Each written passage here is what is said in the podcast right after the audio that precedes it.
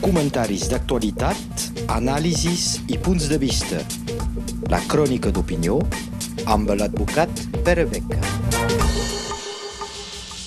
El tenim amb nosaltres. Pere Beca, bon dia. Bon dia. Avui eh, parlarem eh, d'esports i més precisament del que està passant al nivell de l'organització de l'esport actualment a l'estat francès. Doncs eh, eh, primer s'ha de constatar que l'esport francès globalment té bons resultats. El futbol no van pas guanyar la final de la Copa del Món, però sí que la van jugar. Eh, a l'handbol no han guanyat la final de la Copa d'Europa, però sí que han jugat la final. El rugby està amb 13 victòries eh, de sèrie i està considerat com un número 1 mundial amb la perspectiva de futura Copa del Món, doncs a nivell de resultats mm, són prou bons. La crisi és una crisi eh, que afecta doncs, el president del futbol, Le Graet, que està encausat i que ha hagut de dimitir, el president del rugby, la Federació Francesa del Rugby, Laporta, condemnat per un tribunal i que també ha hagut de dimitir, el president de l'Ambal també condemnat i que ha hagut de dimitir per causes diferents, però i més abans hi ha hagut problemes eh, amb el propi president del tennis, el Gaixassen, eh, amb el, eh, la gent del, dels patins de gel, eh, bueno, moltes coses eh, que són o coses d'accés de poder o d'autoritat o coses lligats a consideracions eh, d'assetjament, eh, consideracions sexuals. I això, evidentment, que fa que s'hagi de preguntar quina pot ser la causa. Jo en veig diferents. La primera és potser una falta de preparació d'aquests dirigents. Eh, no és perquè eren bons esportistes que necessàriament són bons dirigents. Això no val per tots, evidentment, però eh, hi hauria d'haver-hi una mena d'ensenyament de, a la capacitat de dirigir.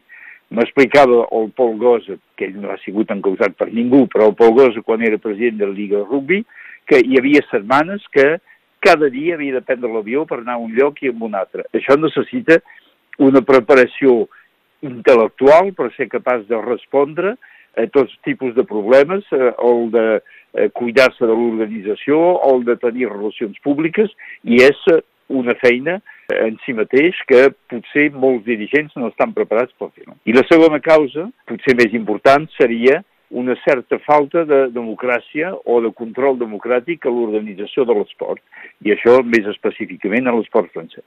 Uh, I en el cas específic precisament de l'esport, democràcia, què significa? Què vol dir? Doncs les federacions franceses són jurídicament establiments públics, és a dir, que el poder públic, concretament l'Estat, eh, delega a les federacions la càrrega d'organitzar les competicions esportives a tots nivells i la formació. Però llavors, una vegada feta aquesta delegació, el procés de designació dels dirigents eh, a través de l'organització territorial és molt controlada i, de fet, és un petit comitè director que designa els presidents. I la manera que està organitzat, especialment en el cas del rugby, fa que és molt difícil canviar eh, que, aquesta estructura perquè, com ara en aquests moments, el senyor Laporta ha dimitit, però el comitè director queda el mateix, i tant com aquest comitè director no dimiteix, realment no es podrà canviar de sistema. A més a més, molts esports no hi ha limitació en el temps. En el cas del futbol, el senyor Legaet, no sé quants anys fa, eh, que era president. I, a més d'això, poc control, sinó un control a posteriori de nivell de comptes, però poc control de la manera que els esports ho organitzen. Sí que els poders públics tenen una mena de visió perquè poden posar delegats, poden fer enquestes, però tot això sempre és a posteriori i, evidentment, de part d'aquests dirigents hi pot haver-hi un cert eh, sentiment eh, d'impunitat perquè, eh, la veritat, fan el que volen i afegint-hi les diverses temptacions que hi puguin haver, la temptació lligada a la quantitat considerable de diners que es manegen, la tentació lligada a la notorietat o la publicitat que es fa a través de televisions, a través de, de ràdios, eh, el fet que estigui a un nivell internacional eh, que d'alguna manera estan considerats una mica com a caps d'estat, només és que veure la recent Copa del Món de Futbol com estaven considerats els presidents de, de, de Federació Futbolística. Tot això vol dir que aquestes persones a vegades es poden trobar al cap d'un moment amb eh, una visió desformada de la realitat del seu propi club i que si moltes vegades eh, la majoria dels jugadors d'alt nivell també se n'aprofiten d'alguna manera, no és el cas de la gran població de, de practicants de l'esport que ells no tenen el benefici de, to, de tot això.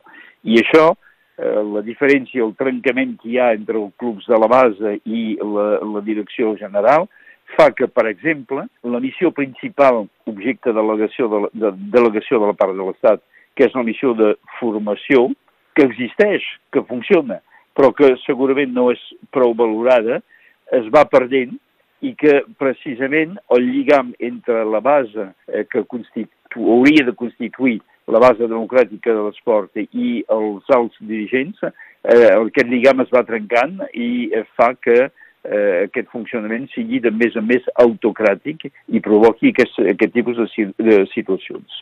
I l'essencial, per tant, seria de tornar a posar en plaça aquest lligam entre les, les utilitats i, i la base. En aquest sentit, eh, Pere Beques, que penseu que hi ha alguna possibilitat que canvi? Sempre hi ha possibilitat que les coses canvien. La primera possibilitat passaria per una real presa de consciència dels actors. L'esport és un món on hi ha molts benèvols, gent que ho fan gratis, eh, a vegades eh, gasten de la seva pròpia butxaca per cuidar-se de petits, eh, d'iniciació, i n'hi ha una quantitat fenomenal, i aquesta gent no és valorada, i per tant és indispensable el funcionament de l'esport.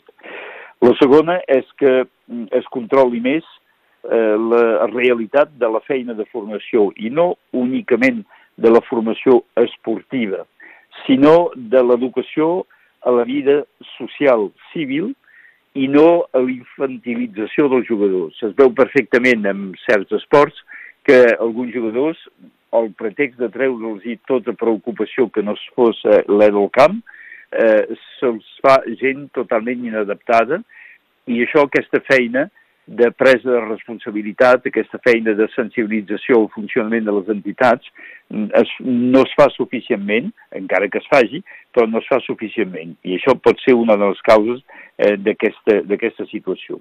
El tercer punt podria ser la limitació del temps de mandat. Hi ha algunes organitzacions que ho tenen limitat, la Lliga Francesa de, de Rugby, Lliga Nacional de Rugby té limitat a dos mandats, permet d'evitar eh, que es creïn eh, una mena d'organització eh, extra-realitat eh, que faci que un president sigui president considerat com a, eh, com a, com a vida. No, s'ha d'obligar al canvi, s'ha d'obligar que hi puguin entrar gent nova, amb noves idees, amb eh, nova energia, per poder aportar aquesta, aquesta visió més realista del funcionament. I això tindria per conseqüència també d'evitar el que els francesos anomenen l'entre nosaltres, és a dir, una sèrie de gent que sempre són els mateixos, que es van repartint els rols, repartint les, els càrrecs, i que aquesta tentació és molt gran, evidentment, quan la gent està entre si, i tot això, de fet, què vol dir?